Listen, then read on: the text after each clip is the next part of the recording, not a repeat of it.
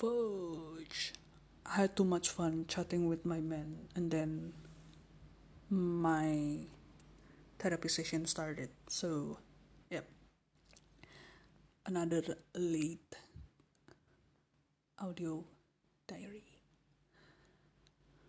So basically, like, nothing much happened yesterday. Um, yeah, but I talked with my man again.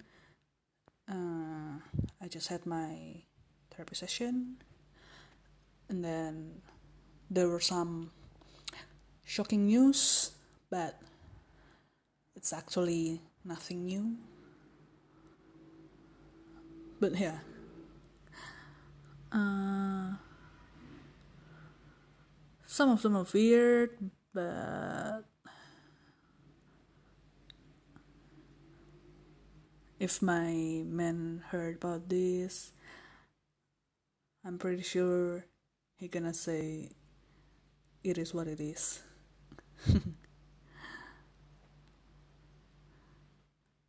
well, it was qualifying day for F1.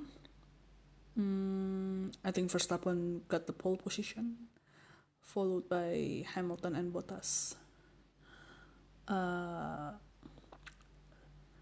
Ricciardo, I think he's on the six, if I'm not mistaken. I haven't checked it yet. But yeah, uh, couldn't wait for the first race in this year. We'll see. Ciao.